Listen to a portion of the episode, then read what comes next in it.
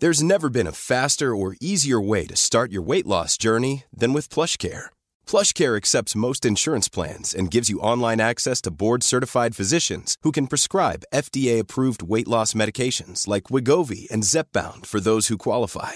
Take charge of your health and speak with a board-certified physician about a weight loss plan that's right for you. Get started today at plushcare.com slash weight loss. That's plushcare.com slash weight loss. plushcare.com slash weight loss. Mom deserves the best, and there's no better place to shop for Mother's Day than Whole Foods Market. They're your destination for unbeatable savings, from premium gifts to show-stopping flowers and irresistible desserts. Start by saving 33% with Prime on all body care and candles. Then get a 15-stem bunch of tulips for just $9.99 each with Prime. Round out Mom's menu with festive rosé, irresistible berry chantilly cake, and more special treats. Come celebrate Mother's Day at Whole Foods Market.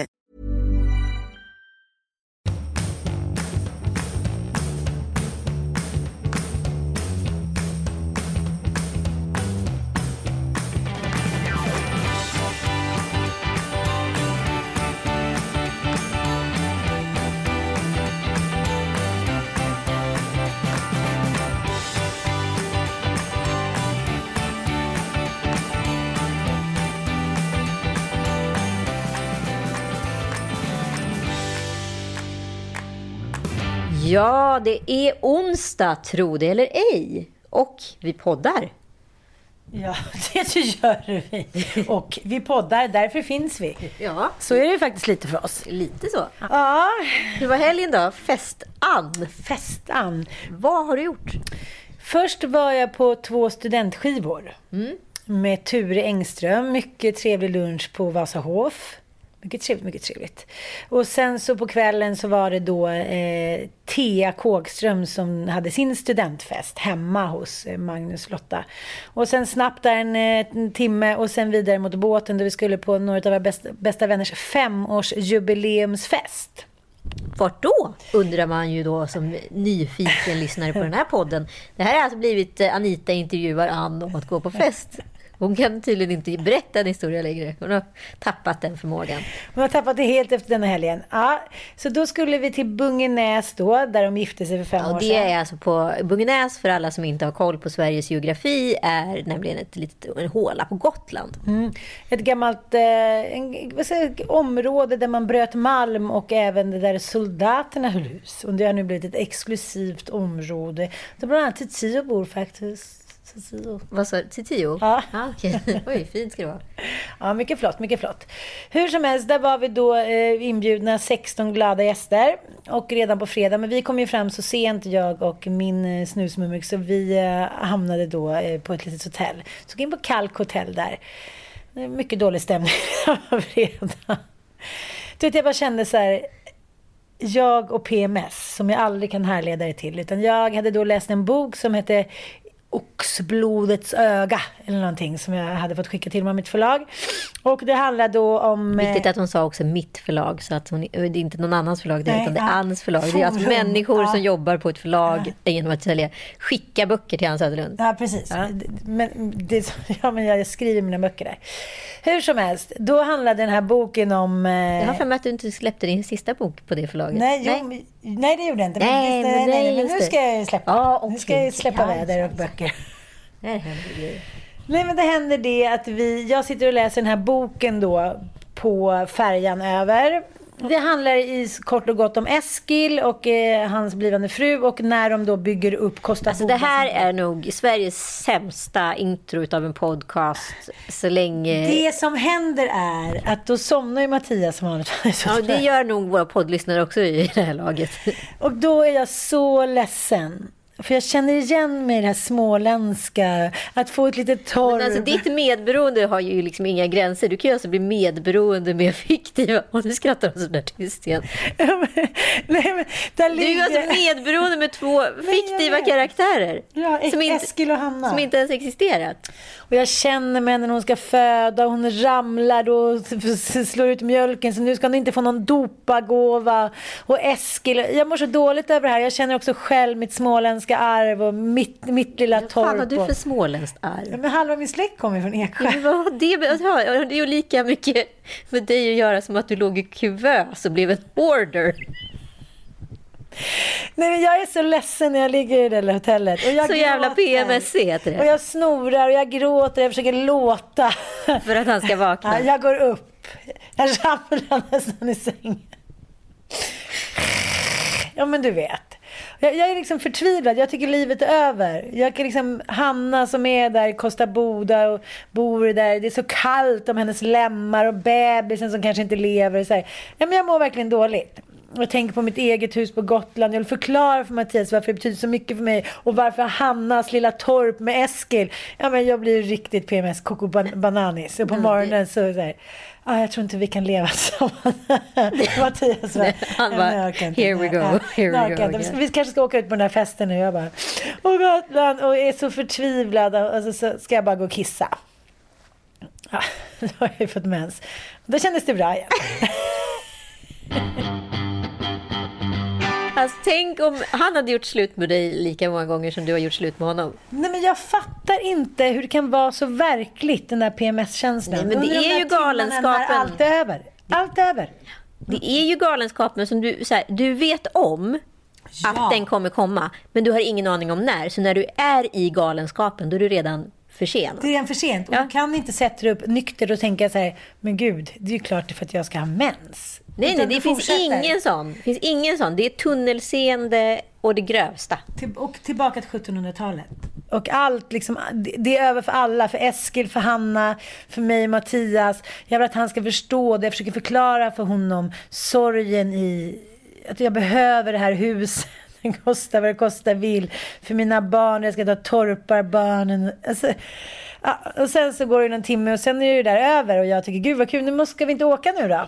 Nu är jag jättekär i. Men också då ska han då resa sig från liksom ur stoftet och bara liksom gå upp och klä på sig. När du liksom har precis sagt att du ska göra slut på honom. Ja, men han för, alltså det som är väldigt gulligt måste jag att han verkligen försöker och vi pratar om det hit och dit. Men sen så är min PMS över när vi har käkat frukost. Du, du vill inte jag prata. Då, då är psykosen borta. Det är som, det är som en förbannelse. Ja! Det är, det är en psykos. Den håller i lite på kvällen där när man ligger för sig själv och liksom vill hoppa ner i en mörk grotta och tycker synd om mänskligheten och sig själv. Och sen så håller i lite på morgonen när man måste på något sätt, man kan ju inte bara släppa det. Men sen när man liksom, sen är det bara borta som genom ett trollslag. Ja, och det- är man den gladaste kvinnan i svensk Det är förbannelse eller en förtrollning. Och när liksom the spell har släppt, Ja. då är det borta. Men hur, jag kan, även fast jag förstår rent fysiologiskt hur det funkar, så är det ändå så skevt. Att, Ja. det blir, att man blir faktiskt på riktigt galen. Men jag tänker också, om man nu så här, om man nu verkligen då hade gjort slut med Ja. sin partner och liksom vandrat ut och träffat liksom en ny man och så här värderat hela livet utifrån det PMS-ögonblicket, de där 24 timmarna eller vad det nu pågår. Då hade ju ens liv sett helt annorlunda ut. Ja. Och jag tycker det här var en perfekt brygga till den lilla lek vi ska leka nu. Stoppa tiden.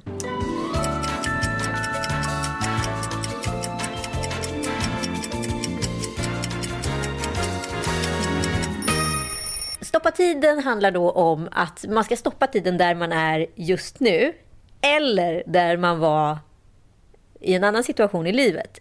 Så nu ska jag testa några situationer på dig Ja, här. Och så får du inte bli- testa. Det kommer inte bli svårt. Nej, Nej. stoppa tiden nu Ja.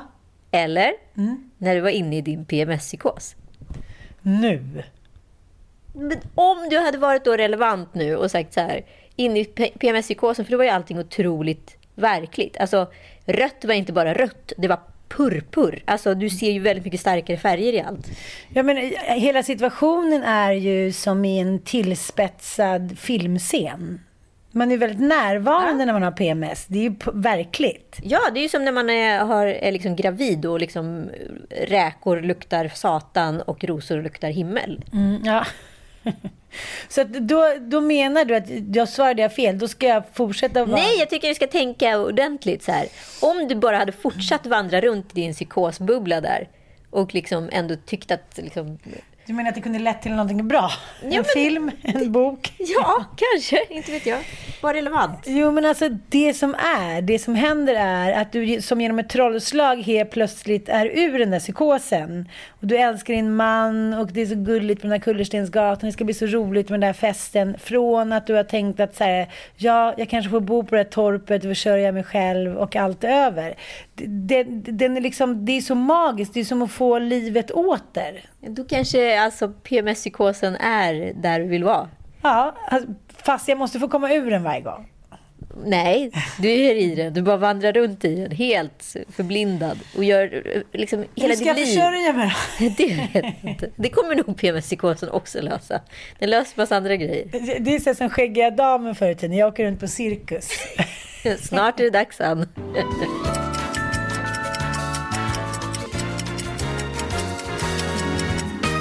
Eh, Okej, när du och jag var i Thailand, Ja, kom du ihåg det? Ja. Ja. Och vi träffade en man som hette Ann. fortfarande ett av mina starkaste ögonblick i livet. Jag fick ta den bilden. om du skulle vara, vara där du är just nu eller om du fick vara kvar i precis när jag träffade Ann, eh, thailändaren, och du fick ta den bilden. Jag skulle valt det alla dagar i veckan.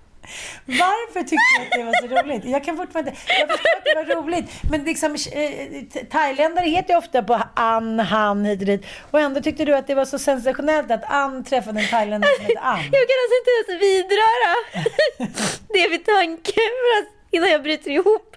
Och Joel är också så här, vad är det som är så kul? Alltså det är så roligt. Det är så roligt, så roligt, så roligt. Plus att jag tänker då på att Ann, det vill säga du västerländska kvinna och den här lilla mannen Ann. Och de inleder ett liv ihop och bara kallar varandra för Ann hela tiden. Det är så lätt. Det är så lätt att leva med Ann. skulle ha det så bra. Ann, Ann, ja vad är det Ann? Som att man... Men jag säger nästan aldrig namn till vare sig kompisar eller män. Jag säger älskling nästan hela tiden. Ja, så, det skulle inte hjälpa att han hette Ann? Jo, men då skulle jag ju få börja, då skulle jag ju få gå på lektion. Lektion. Lektioner. Lektioner. Ann, Ann. Men du menar att vi skulle bli ihop och skaffa familj? men det var ju det som var det roliga. Och jag tänker också att innerst inne så kanske en liten kärpa eller en liten liksom en liten tjänare hade kanske varit det bästa för dig. Men du är så jobbig nu. Ja, då, så vet jag, då stannar jag i min menspsykos och du är... Nej, nej, nej, vi har en till. En till. okej. En till göra. rackeruling.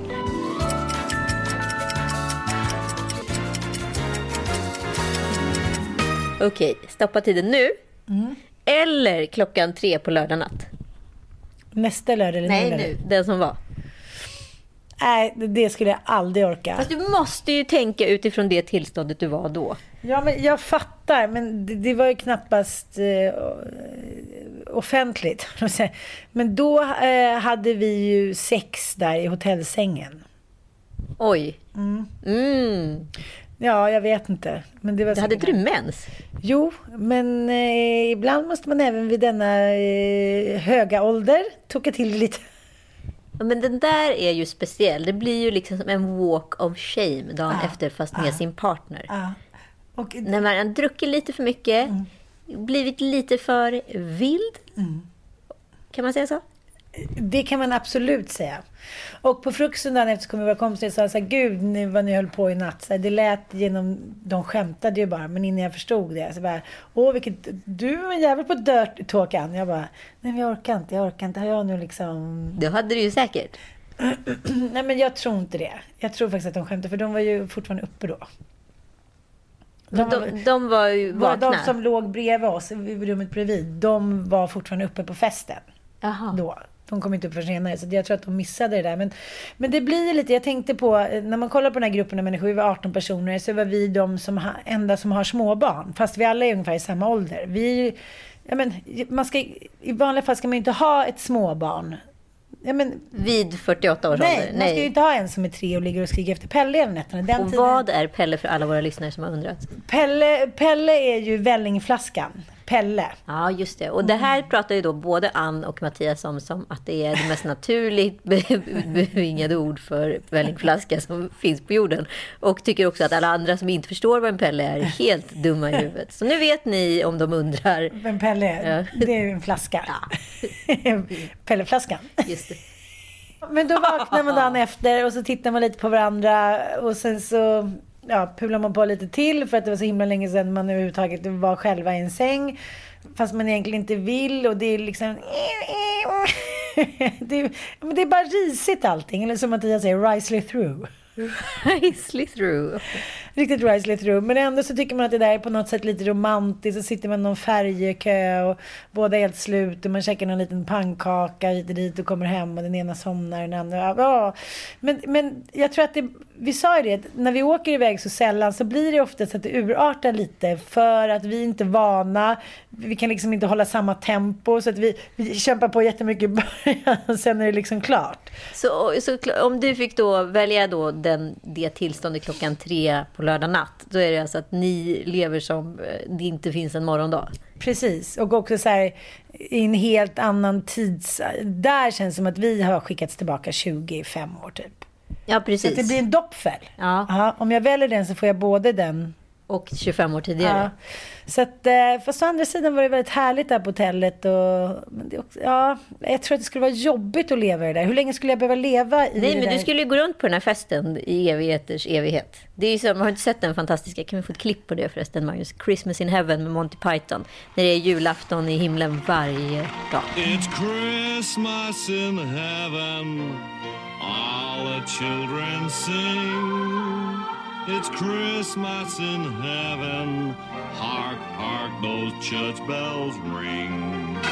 It's Christmas in Jaha, men du menar så att jag ska alltså vara på den där festen? Mitt liv är den där festen? Är det som måndag hela veckan också? Att det är samma saker som sker varje dag? Exakt. Vi går på den där vinprovningen och... Precis. Men då får jag aldrig mer träffa mina barn. Det får Det, det finns ju en risk. Så, så var stoppar du tiden? Stoppar du nu eller då? Ja, men jag förstår inte heller. Stoppa tiden. Ska jag sitta här med dig i sängen då resten av? Nej, nu, stoppar du tiden nu så är det ju det som händer framåt. Men stoppar du tiden där och då, då går du ju runt det dygnet. Jaha. Men jag skulle gärna vilja gå runt det dygnet i typ en vecka. Ja, det är så alltså. Jag Min mardröm är ju att här, bli fast på en fest som aldrig tar slut. Och så Mm. gå runt i en lägenhet där folk liksom är fulla och höga och allt vad de är. Och liksom bara öppna dörr på dörr och det tar aldrig slut. Det är bara en ny fest som pågår. Alltså jag, jag har det som en så här återkommande mardröm. Jaha, gud. Ja, det låter inte så roligt. Men det här var ju ändå liksom ett hotell och alla hade egna rum och man kunde gå runt där på... Nej, men det var ju inte som att du bara var i en lägenhet. Nej, nej, nej. Jag bara, bara så här, kän, känslan av att så här, vara, liksom, vad ska jag säga, intoxicated. Alltså, på det där grisiga sättet. Man är så full och bara raglar runt. Och så här, bara, "Åh, för fan, kommer inte ur det. Alltså, det, är, det är en mardröm, det är ett mardrömstillstånd. Så bara ligger man och så är man så konstig och bakfull och nykter och om vartannat. Liksom. man är i och ur sig på ett och samma sätt. Jag tyckte att det var härligt hela tiden. Så jag kan inte riktigt... Jag, jag vet vad du menar, men så var det inte på den här festen tycker jag. Men eh, det som hände var, som jag faktiskt måste säga, som jag blir alltid lika förvånad. Och det är kanske för att jag har haft PMS nu de tre senaste gångerna jag varit på fest på Gotland. Och sen fått mens. Men, men det är hur man kan åka någonstans med det man älskar eh, över en helg. På fredagen och lördag morgonen då ska det, ja, nu var det över och slut. Och sen på lördag eftermiddagen och så när man kommer hem så är man jättekär. Och känner att man vill gifta sig och tycker att den andra är helt underbar och man bara kysser varandra hela tiden. Och... Men på kvällen, jag la ut en bild på Insta där vi ser så kära ut så att det... Jag har inte ens sett den. Nej, jag kände mig så... Och så tänkte jag också så här...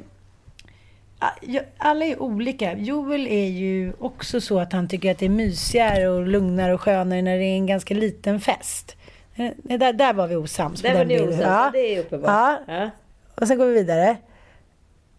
Där, titta! Oj, oj, oj. Den där porten, den får jobba hårt. Ja, Hanna sa det. det, det har jag mage, sa han. Där Jag har uppenbarligen likat bilden men jag har inte sett den. det. Var gullig. Jag också håller honom på ett sätt på magen Ja. som att han är gravid den här gången. Det är så lite grann. Det där tycker jag är lite känsligt. Helt ärligt. Så, Vad är grejen med dina fötter? nej, jag vet inte vad det Vad är. är grejen? Varför kan jag inte bara stå normalt? Nej. Jag står ju som en ko. Hela tiden. Det är för att jag en go i tidigare ko. Ja, det pratar jag också om. Att i tidigare liv Nej, men det var det du Då- kände efter nu. Ja, nu kändes, kändes det igen. Eftersom jag, du sa att jag var en ko, eller jag sa att jag var en ko. Hur jag kände då. Jag försökte förklara för Mattias där på morgonen. När jag blev så ledsen för att han inte hade hört mig gråta och det. Och snora och ramla omkring. Mm. Då sa jag också att kanske tidigare liv. Du drog in tidigare livreferenser på fulla allvar. Det är liksom ingen hejd på dig Nej, det var när du ingen är när du är Nej, martyren. Nej, Nej, så att jag Martyren- kanske hade bo, bo, bo, levt här i Costa Boda. Nej alltså jag gav mig inte. Och han var så här förstående. Han bara, jo jag tror, ja, det, det kan ha varit så att i tidigare liv. Så här, han bara försökte rädda situationen. Ja, det var fint. Ja, men det, så, så nu känner jag mig jättekär.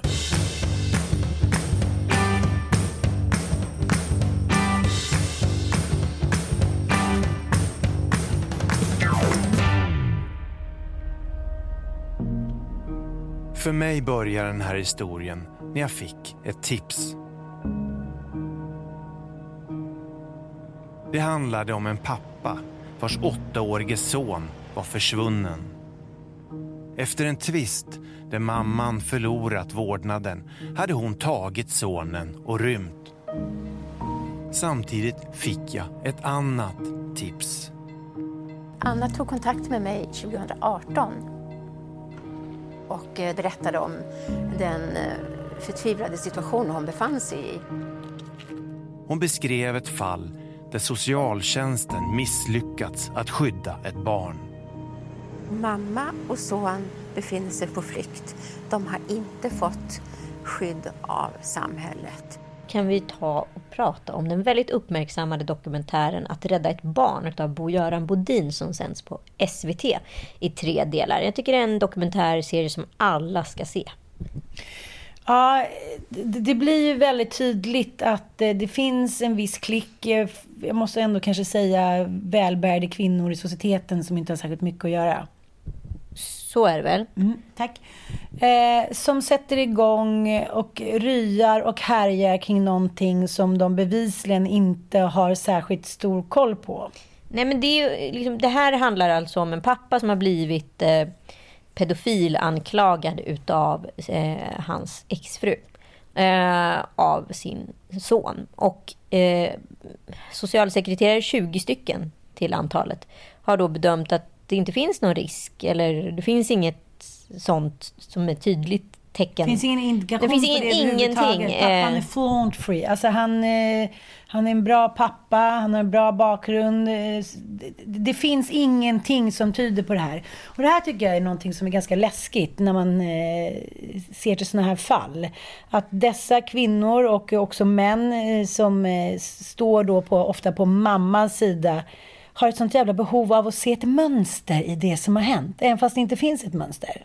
Och det tycker jag är väldigt, det, eftersom man måste jämföra med det som har varit vår största rättsskandal i svensk historia som ändå är eh, häx, häxskandalen, häxeriet där på 1700-talet, 1600-talet. Att det är samma sak att även fast det inte fanns någonting så skulle man nosa upp och lirka fram och ja, mönstret var att pappa gjorde det och då blev det så eller häxan man såg att hon flög till Blåkulla hit Ja, eller Thomas Quick också, samma sak där. Eh, och det som är det intressanta här är ju att så här, det är 20 väldigt kompetenta, högutbildade socialsekreterare och tjänstemän som har gjort den här bedömningen. Och det är liksom inga små tester man går igenom. Det är inte två eller fyra, det är alltså 20 Ja. välutbildade, erfarna socialarbetare. Ja, och eh, ja, den, han, pappan har alltså dömts till eh, att få ensam vårdnad om den här sonen Elias.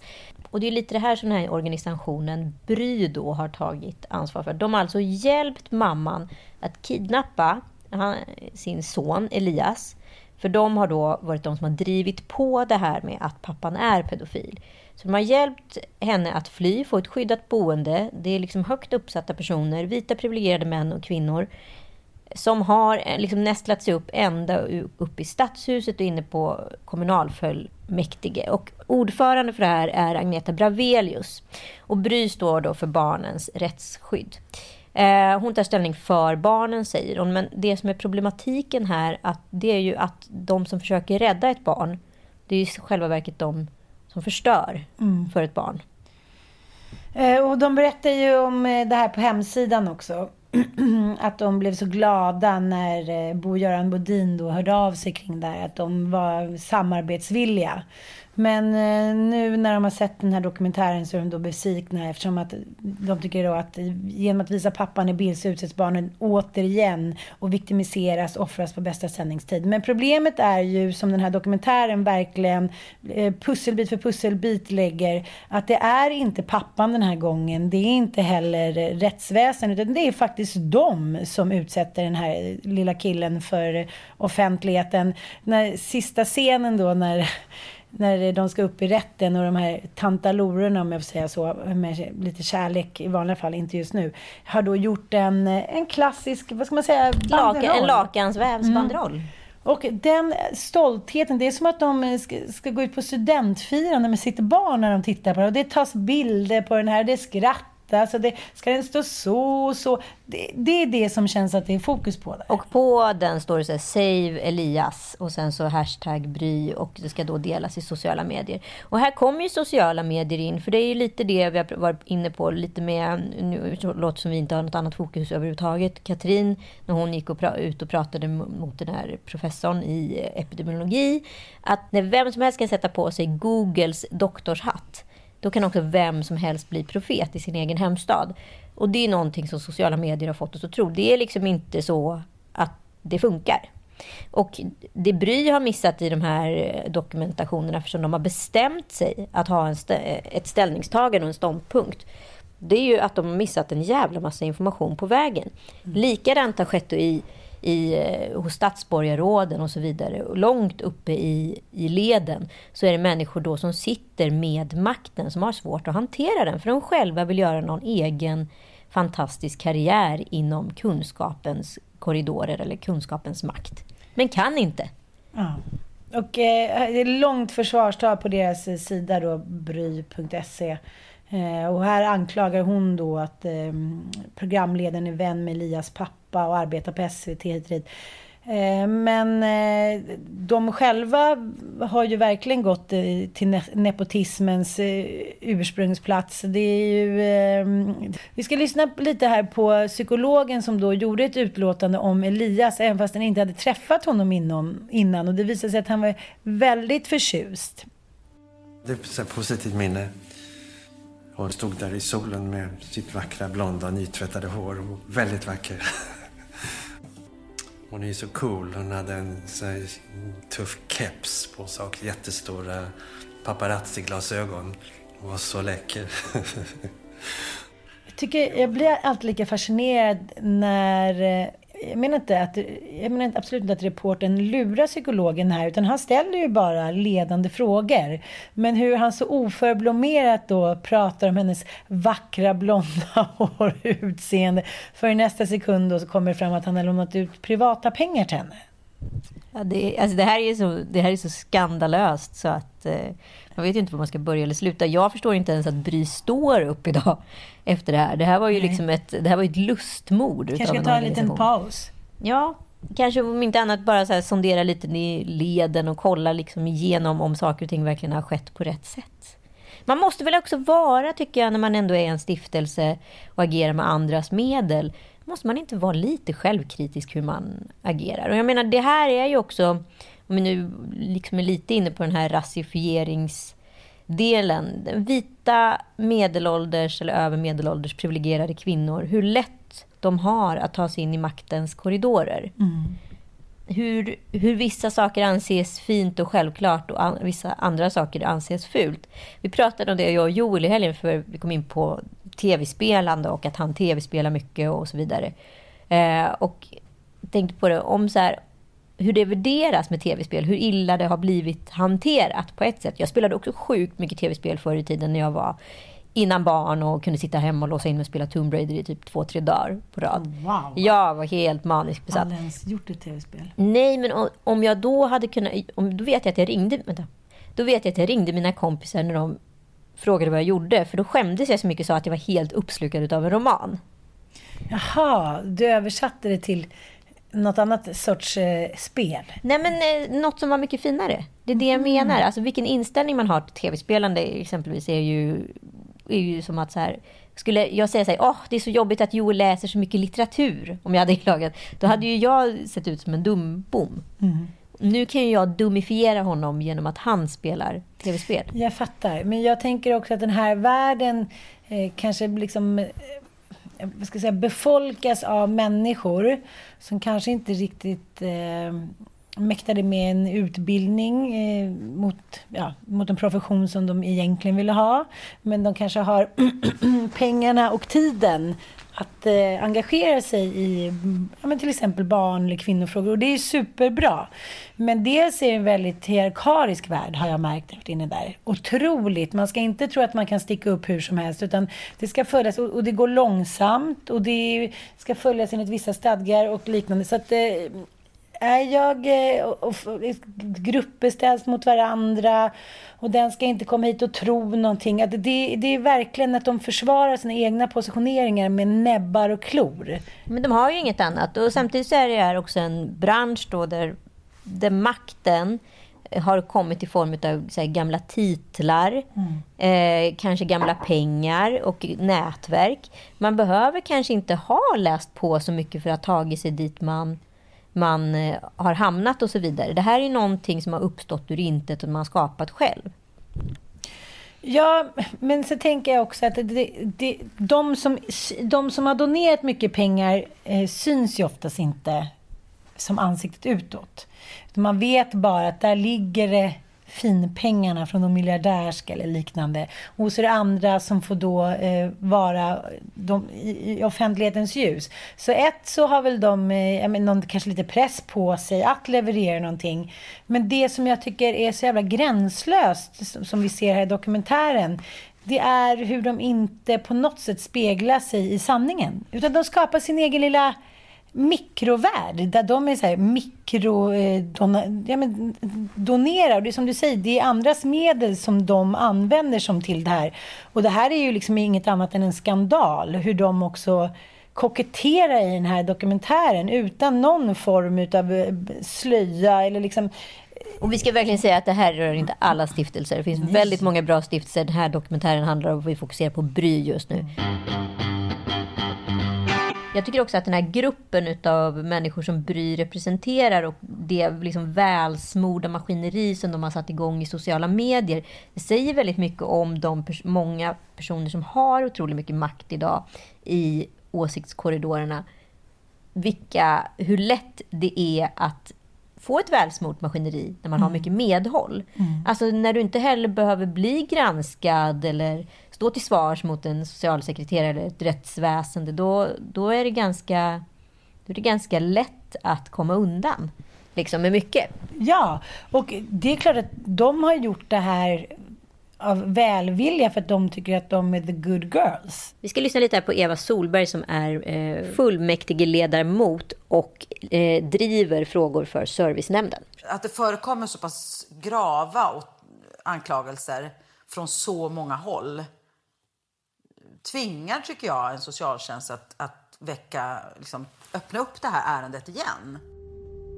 Allt nu har landat i att mamman har gömt sig med barnet och därför är det hon som är liksom den stora förövaren eller liksom. Ja, det blir ju lite utav en walk of shame här också skulle man väl kunna säga. När det är så jävla jobbigt när det, någonting man trott på till 110 procent helt enkelt blottas i ljuset. Ja, men det blir sådär när, när man är en klubb för inbördes beundran så kommer man upp i en gemensam energinivå som bara pågår och som föder mer energier och man, man känner sig framgångsrik och man har rätt och hurra och det var den som gjorde det.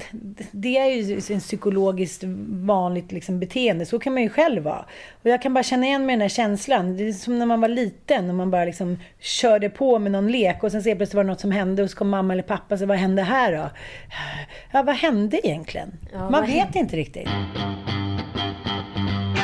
Du lyssnar på podden Lille Lördag med mig, Anita Clemens. Och mig, Ann Södlund, som är väldigt, väldigt uppe i varv nu. Jag har nämligen beställt några infravärmare till landet. Det är väl svensk sommar det om någonting? Men jag blir så lycklig när jag ser det här infravärmeröret. För jag, jag blir så barndomslycklig. Här satt jag och mina föräldrar och våra gäster under de här fyra infravärmerna och jag tyckte alltid att det var så magiskt med det där lite orangea ufo-ljuset. Då var det liksom trygghet och mamma och pappa var lyckliga och sommar. Och, ja, jag har faktiskt investerat också i fyra stycken. De kostar bara 199 kronor styck. Kanske ska ta sex.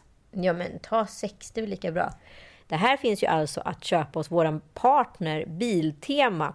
Eh, och de är ju någonting utav en expert på eh, hemmaliv utomhus.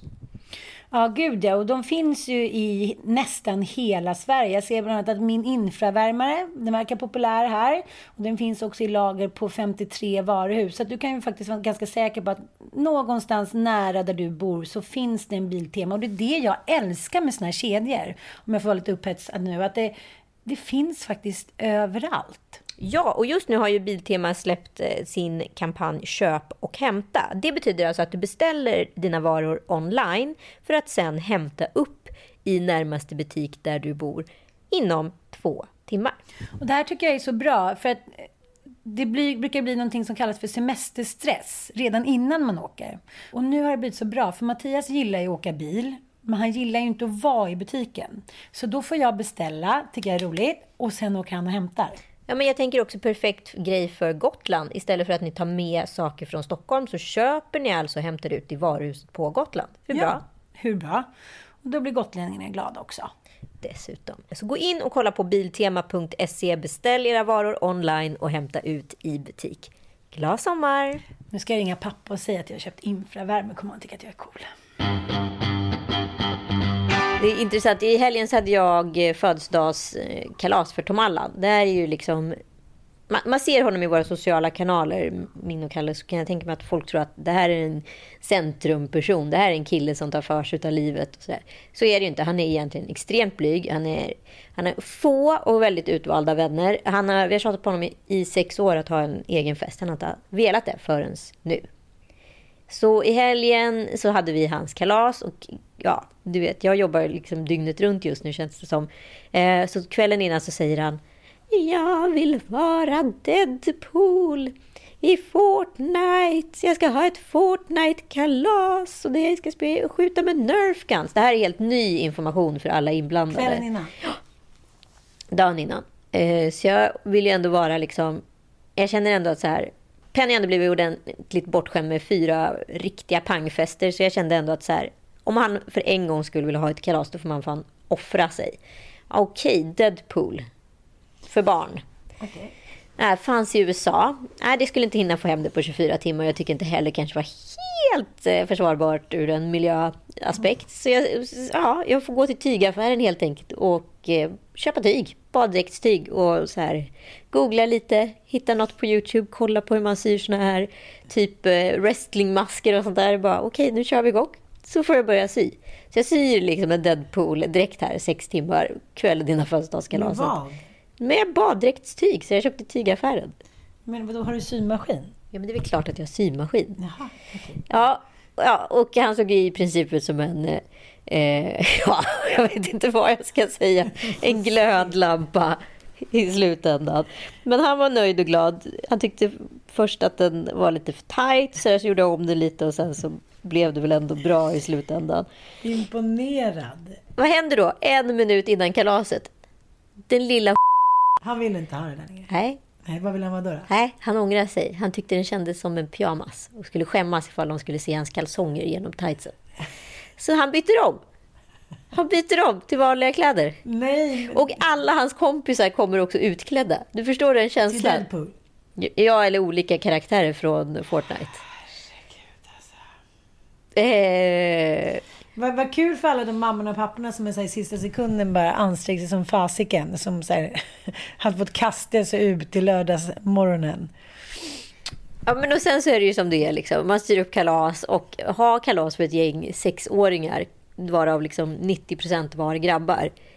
Det, det, det tog på krafterna. Och vi var ändå fem vuxna som stod här och höll koll på dem. Liksom. De springer ju, vi hade gå, kalas på gården. De springer ju som galenpannor. Helt fritt.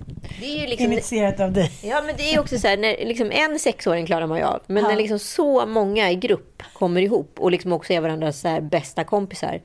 Då, Eh, det, de, är ju, de är ju inte kloka i huvudet. Nej, men jag menar, det är ju det som händer. Men, men det är ju för att man inte alltid tänker till innan. Som att det, det där med Nerf-kalas, det kanske du borde ha tänkt sig. Det är inte så smart för de kommer skjuta på varandra. Men vad ska man göra? De kan inte bara, det är ju inte så att man sitter och leker i ring som vi gjorde. Nej, men jag tänker också så här, man säger ju tydliga regler precis när de kommer. Man får Mm. inte skjuta i ansiktet. Precis när jag uttalar liksom, ordet ansiktet, bang, säger det så är det någon som har fått den i ögat. Liksom. Säg inte Frasse, inte skjut ansiktet. Det är det enda de gör. Så var det någon som började tjura. Som tur var de, ju- ja, de är ganska hårda, men inte, Ja. ja men du vet. Ja, men jag vet. Ja, det var ju liksom hopp och lek på två minuter senare. Men det, det var ju liksom så här, vad trodde jag? Trodde jag på fullaste allvar att jag skulle stå och göra ett regelverk för liksom 10-6-åringar? Jag tokig. Nej, det var inte jättesmart. Det var lite som när vi kom hem i söndag så var då inte så himla starka och vi höll på, ungarna var så uppe i varv och hit och dit och de skulle bara hoppa och Frasse hade sett någon ny Power Ranger hopp han skulle göra och bara slogs hela tiden. Ja men du vet, det var kaos. Ja, men, och precis då när allting har lugnat ner sig lite och de ska gå och lägga sig, då eh, ser ju Bobo så här, men gud, där är ju den där megafonen från mitt kalas. Kan inte du ta upp den pappa? Ja! Absolut. Vem gör något sånt? Nej, men jag vet. Men det är lite... Det, människan är inte alltid sansad och eh, en sansad tänkare. Man går på feeling. Verkligen, men jag tänker också så här. Om jag nu i framtiden, för nu ska, nu ska jag på massa studentskivor den här veckan. Och då är det ju många ex-partner då som ska fira sina barn tillsammans. Och vissa är ju mer, tillbaka till det väloljade maskineriet, mer samspelta än andra. Eh, och hur bra slash dåligt det kan gå. Och jag undrar hur det hade varit för mig och Kalle att ha en studentskiva för våra barn. För den dagen kommer ju liksom. Eh, jag kommer bara ihåg på vårt bröllop där liksom, det enda han kunde fokusera på var att så här, hur mycket snaps folk skulle dricka. Så han gick och köpte snaps typ tre gånger för han var så rädd att den skulle ta slut. Och sen slutade det med att vi hade tio flaskor i kylen som vi fick lämna tillbaka. Det var hans enda uppgift som han klarade av att sköta. Ehm, och jag bara undrar hur ska det... Alltså du vet, så här, det börjar med 50% av listan och sen blir det ingenting. Och jag upplever att det ganska ofta är som när det kommer till manligt, kvinnligt, när det kommer till fester. Antingen är det snubbarna som fixar allt och tjejerna ingenting. Eller så är det tjejerna som fixar allt och snubbarna ingenting. Men det som jag eh, verkar... Eh, det som jag ser som ett tydligt eh, spår, eller en röd tråd, är att männen har ju problem med lullullet. Ja. Ja, att det är så här, det- det är det som, eh, det är därför jag, att kvinnor också blir så jävla utmattade under såna här festtider under semestern. För allt det där lullullet med de sociala, liksom samverkan, eh, såsen till det, eh, att barnen ska somna och ha madrasser för då kommer de gästerna. Alltså allt det där runt omkring tjafset, det verkar många män vara väldigt blinda för. Och eh, en av våra, dina, mina gemensamma kompisar, jag ska inte nämna några namn, har nu alltså fixat eh, ja, men en ganska stor studentfest och gjort all mat själv hit och dit. Och då hennes exman skulle då köpa bubblet. Och eh, det är ändå så 43 personer och han eh, säger ah, att han hade köpt då tre Magnumflaskor. Ja, men... Nej, och det är så här, hon har fixat allt. Men det är som hon säger, och det här tycker jag ofta mina tjejkompisar säger, men jag orkar inte. Jag orkar inte ens gå in i det där. Och sen var han så här, jag kan komma före och hjälpa till lite. Då bara, nej det behövs inte. Det behövs inte. Så att vi är både så att vi är lite bittra, men och så tänker vi så här, det går ändå snabbare och det blir bättre om jag gör det själv. Att man säger, okej, man försökte ännu en gång, men det blev inte bättre. Ja, och Joel är ju så här, jag är ju ingen, jag är ju ingen, eller jag ska säga så här, jo jag är en firare, men jag är ju en firare som är otroligt effektiv. Jag är ju så van att styra fest. Ja. Eh, Så det liksom sitter, så jag ringer Aladdin, fixar partytält, kommer hit, sätter upp, bam, bam, bam. Eh, och sen så liksom en inköpslista och sen är det klart. Under tiden Joel då håller på att älta det här kalaset i ungefär en och en halv veckas tid. Och jag känner att jag har varit så här, jag är 100% inte närvarande. Samtidigt är jag så jävla glad att ha honom för han så här, styr upp presenter, han har tänkt igenom. Han har exakt koll på vad mina barn tycker om. Jag ska erkänna, jag har inte det. Ni, du blev, var ju lite ledsen sist vi träffades, för ni hade haft en liten utvärdering vem som var bästa föräldern? Ja, men jag, jag hade ju skårat... Eh, du vet, det blev en sån här konstig lek som bara uppstod ur intet vid typ middagsbordet när de var här sist. Så. Vem är bäst på att... Eh, och så skulle liksom alla föräldrarna upp till bedömning. Och eh, jag skårade sämst på allt. Men säg till exempel vad? Ja, men vem är bäst på att laga mat? Eh, vem är bäst på att... Eh, på att men maten ja, kan du väl inte ha haft nej, nej, nej, men, så, ja. men, så, ja, men då är det ju så barnmaten såklart. Ah. Så köttbullar och liksom... ja, men då vann ju Kalle. Ja, men då vann ju Kalle och Joel såklart. Eh, vem blir argast? Vem är roligast? Vem är snällast? Vem är galnast? Vem är påhittigast? Och så vidare. Och jag skårade sämst på alla. Men så blev ju det såklart en rolig grej då, att göra mig sämst till allt. Tills, ja, de fattade, tills de fattade att så här, det här klarade jag inte riktigt av. Nej. Jag var för alldeles för svag. Mm. Jag var inne i min PMS då. Men det där är ju faktiskt också precis som du säger, vissa dagar kan man ju bara tycka att det där är jättekul. Men sen är det där, det finns ju en sårbarhet och en känslighet i och med att man har separerat. Och vare sig din eller min separation var ju eh, lyckebolycka, om man säger så. Det var liksom rörigt och mycket känslor och svärta och anklagelser och hit och dit. Så att, eh, då tror jag att det finns något inneboende sår. Eh, som gör att man hela tiden är väldigt känslig för just de här lite roliga utvärderingarna. För när man är en kärnfamilj, som om jag, Frasse och Bobo och Mattis till exempel sitter på Gotland och börjar på och alla säger så här, pappa är roligast, pappa är snyggast, pappa är yngst, pappa är bäst på det. Då skulle jag bara säga, ja visst älskling, superbra, han är verkligen superbra på att laga mat. Jag har ett självförtroende i min familj som mamma, trots att jag inte gör helt perfekt hela tiden. Ja, men jag märkte det med mig, eh, att det sitter kvar så många liksom, så cellminnen från när man levde i en tvåsamhet med liksom, sin expartner. så ser ju inte vårt liv ut längre. Och också mm. tidigare år med Joel, när liksom, Tom Allan varit en mycket större ansträngning. Det började med liksom, i söndags så gick Tom Allan och Joel bara gick ut och lekte Sagan om ringen ute i stora skuggan i, i i tre timmar, var borta liksom halva eftermiddagen. Och jag och Penny bara, vi får baka någon rabarberpaj och hålla på lite här. Och då mm. var väl inte så mycket mer med det. Eh, och sen så kommer de hem och då ska Penny ut till sin kompis eh, landställe i skärgården.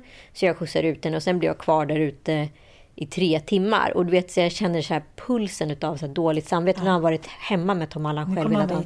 Nu kommer han vara irriterad på mig. Och för fan, måste jag hitta en bra, bra försvar här och så vidare. Och så kommer jag hem och de är på strålande humör. Mm. Och jag bara så här och, och, du vet, så här, jag hade redan byggt upp så här, jag visste exakt vad jag skulle säga när jag kom in och jag skulle förklara hur, det, hur mycket kö det hade varit på vägen hem. Så behövde jag inte göra det helt plötsligt. Och det var en helt ny känsla. Att den här jakten sitter kvar i en. Och det som blev så hemskt i den där leken, det är ju också så här att så här, fan det är jag som fixar alla födelsedagskalas. Det är jag som styr upp alla semestrar. Det är jag som löser allting. Jag är liksom den tysta projektledaren som aldrig tar cred och inte heller intresserad av att ta cred.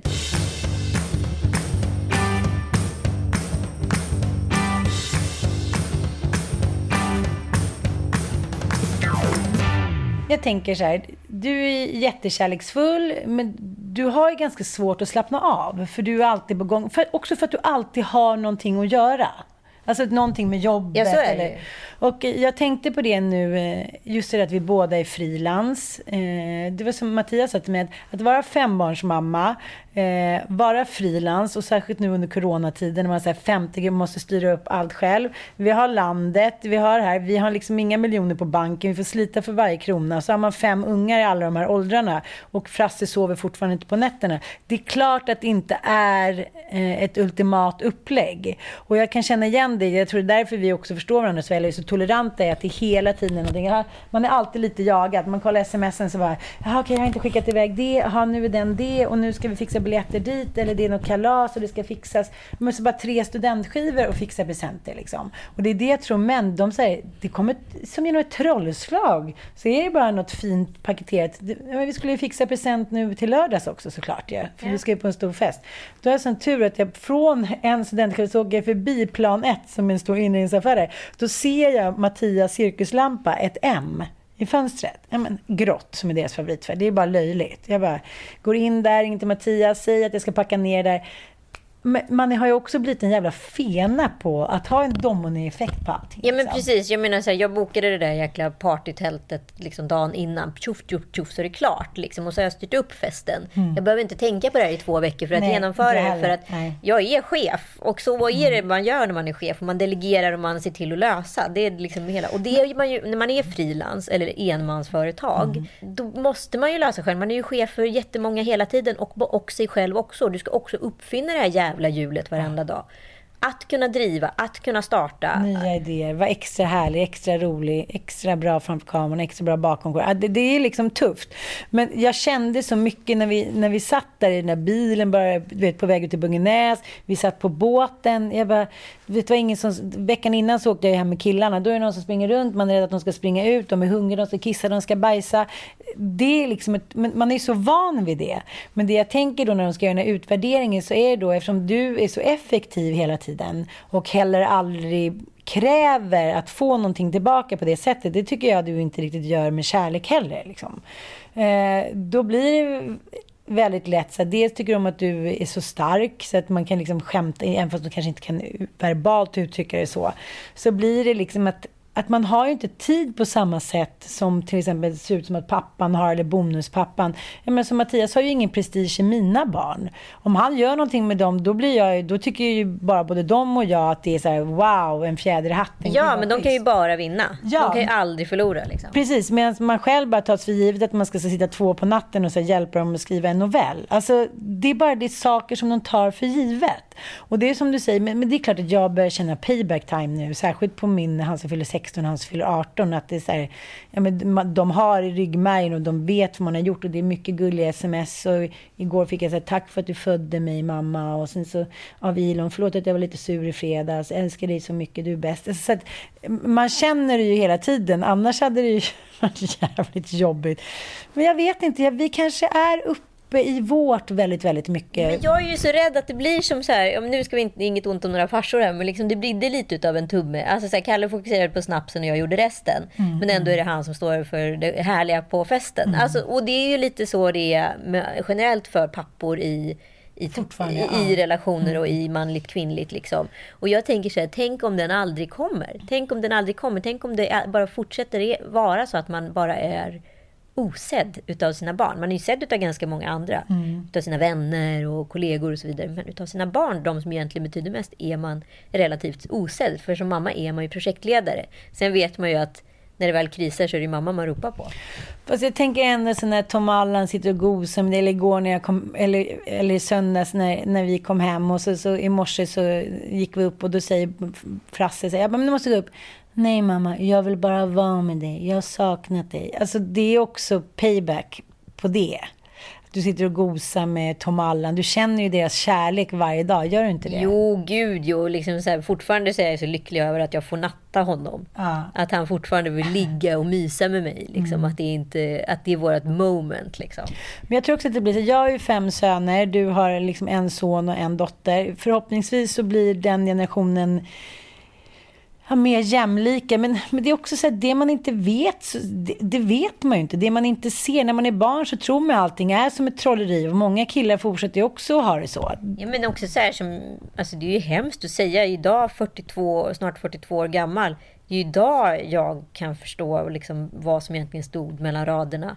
I mycket som i ens uppväxt. Liksom, som, fan, jag tror jag favoriserar liksom pappa långt upp i 20-årsåldern innan man liksom började skönja att saker och ting kanske inte alltid var som man hade fått det berättat för en. Mm, jag vet, och min pappa var min hjälte. Men ganska tidigt ändå så föll den där kronan lite på sniskan. Och där tycker jag också att man känner sig lite lurad på sin barndom. Förstår du vad jag menar? Jo men den bitterheten sprang man ju med mig liksom hela tonåren när man liksom gör den här revolten och grejer. Men liksom ändå så kunde jag inte förstå hur landet låg förrän långt efter 20 plus. Ja, men jag fattar, men när du såg alla hyllningar på mors dag, på Instagram till exempel, till alla mammor och den kärleken som bara så här äh, bombarderades där, då kände jag ändå liksom, äh, det kommer bli payback time.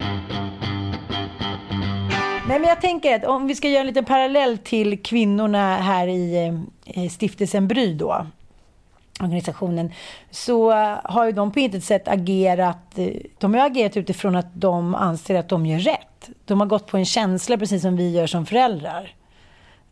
jag menar att vi ser att det finns ett behov och att vi vill göra någonting. Vi vill att våra barn ska ha det bra. De eh, anser ju... De har gått på en känsla i det här fallet och inte tagit reda, De har inte lyssnat på de människor som är utbildade. Så det, man, det är inte lätt. Käns, man, känslorna styr en väldigt mycket. Ja, och man får ju vara väldigt försiktig med känslor, i alla fall i medier kan man mm. väl säga. Det är väl det, att känslomedier som sociala medier många gånger är, det kanske just ska hantera just känslor och kanske inte fakta. Och det är väl när de här två världarna geggas ihop, det är då det blir problematiskt. Så det får man väl också tänka på som mamma i sociala medier eller förälder i sociala medier, att man inte får agera känslostyrt när det kommer till ens barn. Ja, men jag tänker att man alltid ska ha en liten djävulens advokat också. Vare sig eller man har liksom en stor... Djävulens adekvat. En djävulens advokat. Att det är alltid någon som står utifrån och tittar in och kan göra en värdering. För det är väldigt svårt att göra det själv. Och det är ja. väl det du och jag har gjort lite nu för varandra. Samtidigt som mina barn sitter och validerar mig om vad jag är bäst och sämst på. Så finns det ändå en learning där. Att så här, jag kanske måste bli lite gladare. Jag kanske inte alltid ska vara i projektet barn. Jag kanske mer ska vara en avslappnad mamma och så vidare. Mm. Ja, men det tycker jag var en bra lärdom faktiskt. Man kan ju lyssna på det. Sen är det här ju också en kärleksförklaring att de litar på dig och känner sig så trygga med dig och älskar dig så mycket att de kan säga det här utan att vara rädda. Så kan man väl säga. Menar du? Vi hörs om en vecka. Puss och kram, hejdå!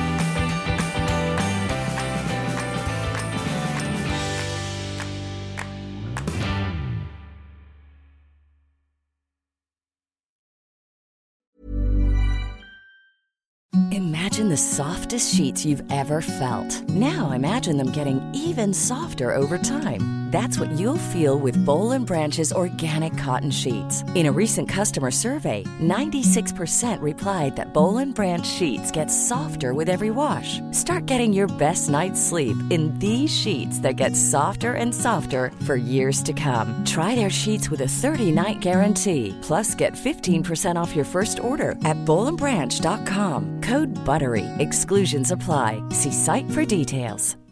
Hi, I'm Daniel, founder of Pretty Litter. Cats and cat owners deserve better than any old-fashioned litter. That's why I teamed up with scientists and veterinarians to create Pretty Litter. Its innovative crystal formula has superior odor control and weighs up to 80% less than clay litter. Pretty Litter even monitors health by changing colors to help detect early signs of potential illness. It's the world's smartest kitty litter. Go to prettylitter.com and use code ACAST for 20% off your first order and a free cat toy. Terms and conditions apply. See site for details.